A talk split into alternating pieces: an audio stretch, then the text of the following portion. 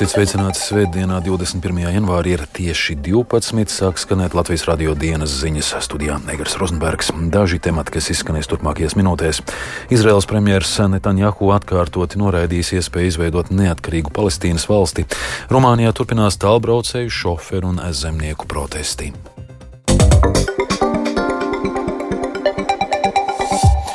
Krievijas Uzķelugas ostā pagājušajā naktī izcēlēs ugunsgrēks uzņēmumam Novatek piedarošajā dabas gāzes terminālī.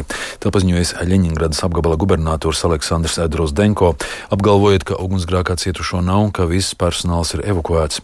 Lietotnes telegram kanāls Astarožna Novisti vēsta, ka neilgi pirms ugunsgrēka sākumā Kingisep rajona iedzīvotāji aptuveni 35 km no Uzķelugas dzirdējuši lit robotus. Par iedzīvotāju dzirdētiem lidrobotiem un sprādzieniem ziņo arī telegram kanāli Bā Gāza un Šota. Izraels premjerministrs Benjamins Netanjahu atkārtoti noraidījis iespēju izveidot neatkarīgu Palestīnas valsti. Sarunā ar ASV prezidentu Džo Baidenu Netanjahu paziņojis, ka Izraēlas drošības vajadzības nepieļauj divu valstu risinājumu. Tas ir tiešā pretrunā ar līdzinējo Baidena administrācijas nostāju, kurš vēl pirms dažām dienām atkārtoja, ka joprojām atbalsta divu valstu izveidi. Līdzīgi izteicās arī Eiropas Savienības augstais pārstāvis ārlietās Žuzeps Borels. Vairāk stāsta mūsu Briseles korespondents Arķums Konhaus. Izraels premjerministrs Benjamins Netanjahu ir atklāti ieņēmis pozīciju, kas ir tiešā pretrunā ar ASV administrācijas nostāju. Saskaņā ar Netanjahu preses sekretāra teikto, telefons sarunā ar ASV prezidentu Džo Baidenu Izraels premjerministrs paziņoja, ka neatkarīgas Palestīnas valsts izveide nav iespējama, jo tas radītu apdraudējumu Izrēlai. Vēl piekdien Baidens Baltijā namā mēģināja aizstāvēt Netanjahu un sacīja, ka divu valstu modelis ir dzīvotspējīgs. Pastāv dažādi divu valstu risinājumi. Ir vairākas valstis, kas atrodas ANO sastāvā, bet kurām nav savas armijas. Tādēļ es domāju, ka pastāv veidi, kā to varētu panākt. Baidens arī atkārtoja pieņēmumu, ka teroristiskā grupējuma Hamas uzbrukums Izrēlai ir noticis tādēļ, lai iztraucētu Izraēlas un Arābu valstu attiecību normalizāciju.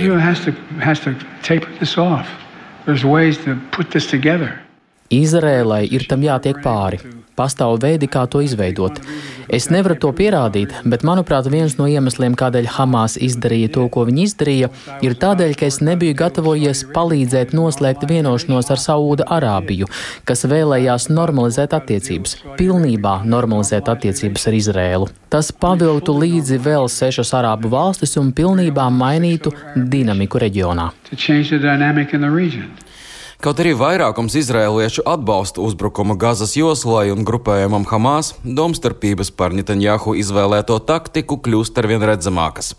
Viedokļu sadursmes notiek gan tā dēvētajā Nacionālās vienotības valdībā, gan ielās. Sestdien valstī notika dažādas protesta akcijas. Daži pieprasīja darīt vairāk, lai nekavējoties atbrīvotu gūstekņus, citi aicināja pārtraukt karu un rast miermīlīgu risinājumu. Vēl citi aicināja Netanjahu nekavējoties atkāpties no premjera amata. Haifā starp protestētājiem un policiju sākās sadursmes, kad kārtības sargi mēģināja konfiscēt dažus no plakātiem. Atgādināsim, ka Eiropas Savienības augstais pārstāvis ārlietās Žuzeps Borels vēl piekdien atkārtoja, ka vajadzības gadījumā starptautiskai sabiedrībai būtu nepieciešams uzspiest Izrēlai divu valstu risinājumu. Pēc Borela domām konfliktējošās puses nespēs patstāvīgi vienoties. Arcums Konahaus Latvijas Rādio Briselē. Rumānijā turpinās tālbraucēju šoferu un zemnieku protesti. Līdzīga akcija notika arī aizvadītajā nedēļas nogalē. Gan autovadītāji, gan lauksemnieki nav apmierināti ar augstiem nodokļiem, lēno kompensāciju izmaksu, kā arī pārāk lielajām apdrošināšanas polišu cenām. Pagājušajā nedēļas nogalē Rumānijas protestētāji uz kādu laiku pat bloķēja robežu čērsošanas punktu ar Ukrainu. Turpina mūsu Briseles korespondents Arķums Konohus. Ja Rumānijas kravas automašīnu šoferi nav apmierināti ar augstiem nodokļiem un garu gaidīšanas laiku uz robežu kontrolas punktiem, tad zemnieki vēlas, lai valdība ātrāk izmaksātu kompensācijas tiem, ko skāra sausums un Ukrainas graudu pieplūdums. Lauksaimnieki sūdzās, ka viņi jau divus gadus zaudē līdzekļus, jo valstī nonāk daudz lētu graudu no Ukrainas. Līdzinējās sarunas ar varas iestādēm nav palīdzējušas rast kopsaucēju. Jāpiebilst, ka līdzīga protesta pēdējā laikā ir notikuši arī Vācijā un Polijā. Tuvinieka aiziešana īpaši ārzemēs ir smaga gan emocionāli, gan arī organizatoriska nasta, kas lielākoties gulstas uz tuvinieku pleciem, jo ir jādomā, kā veikt cilvēka repatriāciju uz Latviju. Ja tas bijis īslaicīgs ceļojums, svarīgi vai personai bijusi ceļojuma apdrošināšana, kurā iekļauta mirstīgo atlieku repatriācija, tādējādi lielās izmaksas sadz apdrošināšanas kompānija. Kā norāda ārlietu ministrija un apdrošinātāji, vairumā gadījumu cilvēki bijuši apdrošināti vai arī tuvinieki spējuši rast līdzekļus un nokārtot mirušā cilvēka atgādāšanu uz mājām. Par mirušo cilvēku repatriāciju uz Latviju plašāk Agnijas Lazdiņas ierakstā. Latvijas valsts budžetā nav paredzēta līdzekļi ārzemēs mirušo Latvijas valsts piedrīgo apbedīšanai vai to mirstīgo atlieku pārvešanai uz mītnes zemi. Tomēr mirušās personas tuvinieki var sazināties ar Latvijas Republikas vēstniecību konkrētajā valstī vai ārlietu ministrijas konsulāro departamentu, lai saņemtu informāciju par iespējamo tālāko rīcību, proti mirušās personas repatriāciju jeb transportēšanu uz Latviju vai arī apbedīšanu turpat konkrētajā valstī, kur persona atradās, kā skaidro ārlietu ministrija. Krievijas konsulārās palīdzības nodaļas vadītāja Sandra Salmiņa Šuke pagājušā gada laikā ārlietu ministrija saņēmusi informāciju par 223 mirušiem Latvijas valsts piedarīgajiem, starp kuriem ir gan ārzemēs patstāvīgi dzīvojošie, gan tie, kam ir Latvijas un citu valstu pilsonība. Pilnīgi droši mēs varam teikt, ka tā nav pilnīga statistika, jo par daudziem pārsvarā trešās valsts varētu arī neziņot. Mēs vienkārši nesaņemam šo informāciju. Ģimenes pats tiek galā, tuvinieki, radinieki ar šo mirušā, iespējams repatriāciju, iespējams apbedīšana konkrētajā ārvalstī, kā kurā gadījumā. Un noteikti vēl ir ļoti daudz tādi, kuri ir varbūt miruši, bet bijuši apdrošināti, kas nozīmē, ka tā repatriācija vairumā gadījumā ir notikusi ar apdrošināšanas kompānijas starpniecību. Arī Latvijas apdrošinātāju asociācijas prezidents Jānis Bāšins norāda, ka repatriācijas skaitam ir tendence pieaugt. Gadā vidēji apdrošinātāji saņem 150 līdz 170 repatriāciju gadījumu, kur vairums no tiem ir saistīti ar dzīviem cilvēkiem. Tāpat viņš uzsver, ka skatoties no materiālās puses apdrošināšanai ir liela nozīme, jo finansiāli repatriācija izmaksā ļoti dārgi.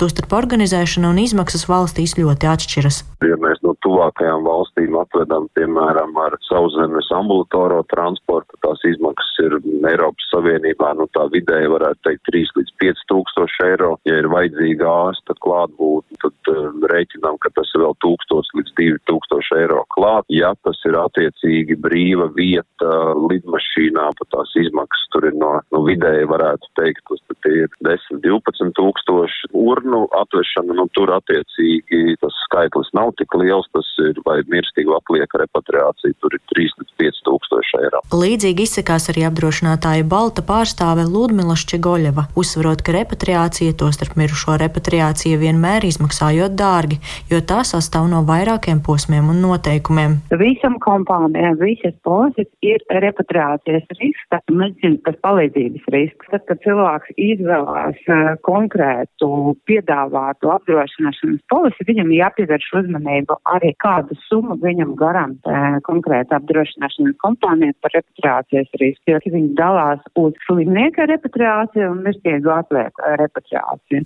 Ja mirusī persona nav bijusi apdrošināta un tuviniekiem nav izdevies atrast līdzekļus mirstīgu atlieku vai pīšļu pārvešanai uz Latviju, persona var tikt apglabāta ārvalstīs uz attiecīgās ārvalsts sociālās nodrošināšanas iestāžu rēķina Agnija Lazdiņa, Latvijas radio. Ziemeļamerikas arēnu laukumos ar rezultatīvu sniegumu turpina priecēt Teodors Bļūgers, viņa pārstāvētāja Vankūveras Kanaks, krājot uzvaras. Dienvidkorejā Latvijas jauniem sportistiem mainīgas sekmes jaunatnes ziemas olimpiskajās spēlēs. Plašāk par aktualitātēm sportā stāsta Māris Bergs. Nacionālajā hokeja līgā rezultatīvi turpina spēlēt Teodors Bļūgers un Vankūveras Kenaks, viņiem šonakt ar 6-4 pārspējot Toronto Maple Leafs. Bļūgers savā 300. NHL spēlē karjerā uz ledus pavadīja 17,5 minūtes, viņam šoreiz izceļoties ar divām rezultatīvām piespēlēm un arī pozitīvu liederības koeficientu plus 1. Citā mačā Zemgus Girgensons un Buffalo Sabres savā laukumā ar 1-3 zaudēja Tampa Bay Lightning. Girgensonam 11 minūtēs uz ledus 3 trīs spēka paņēmieni un negatīvs liederības koeficients - mīnus viens.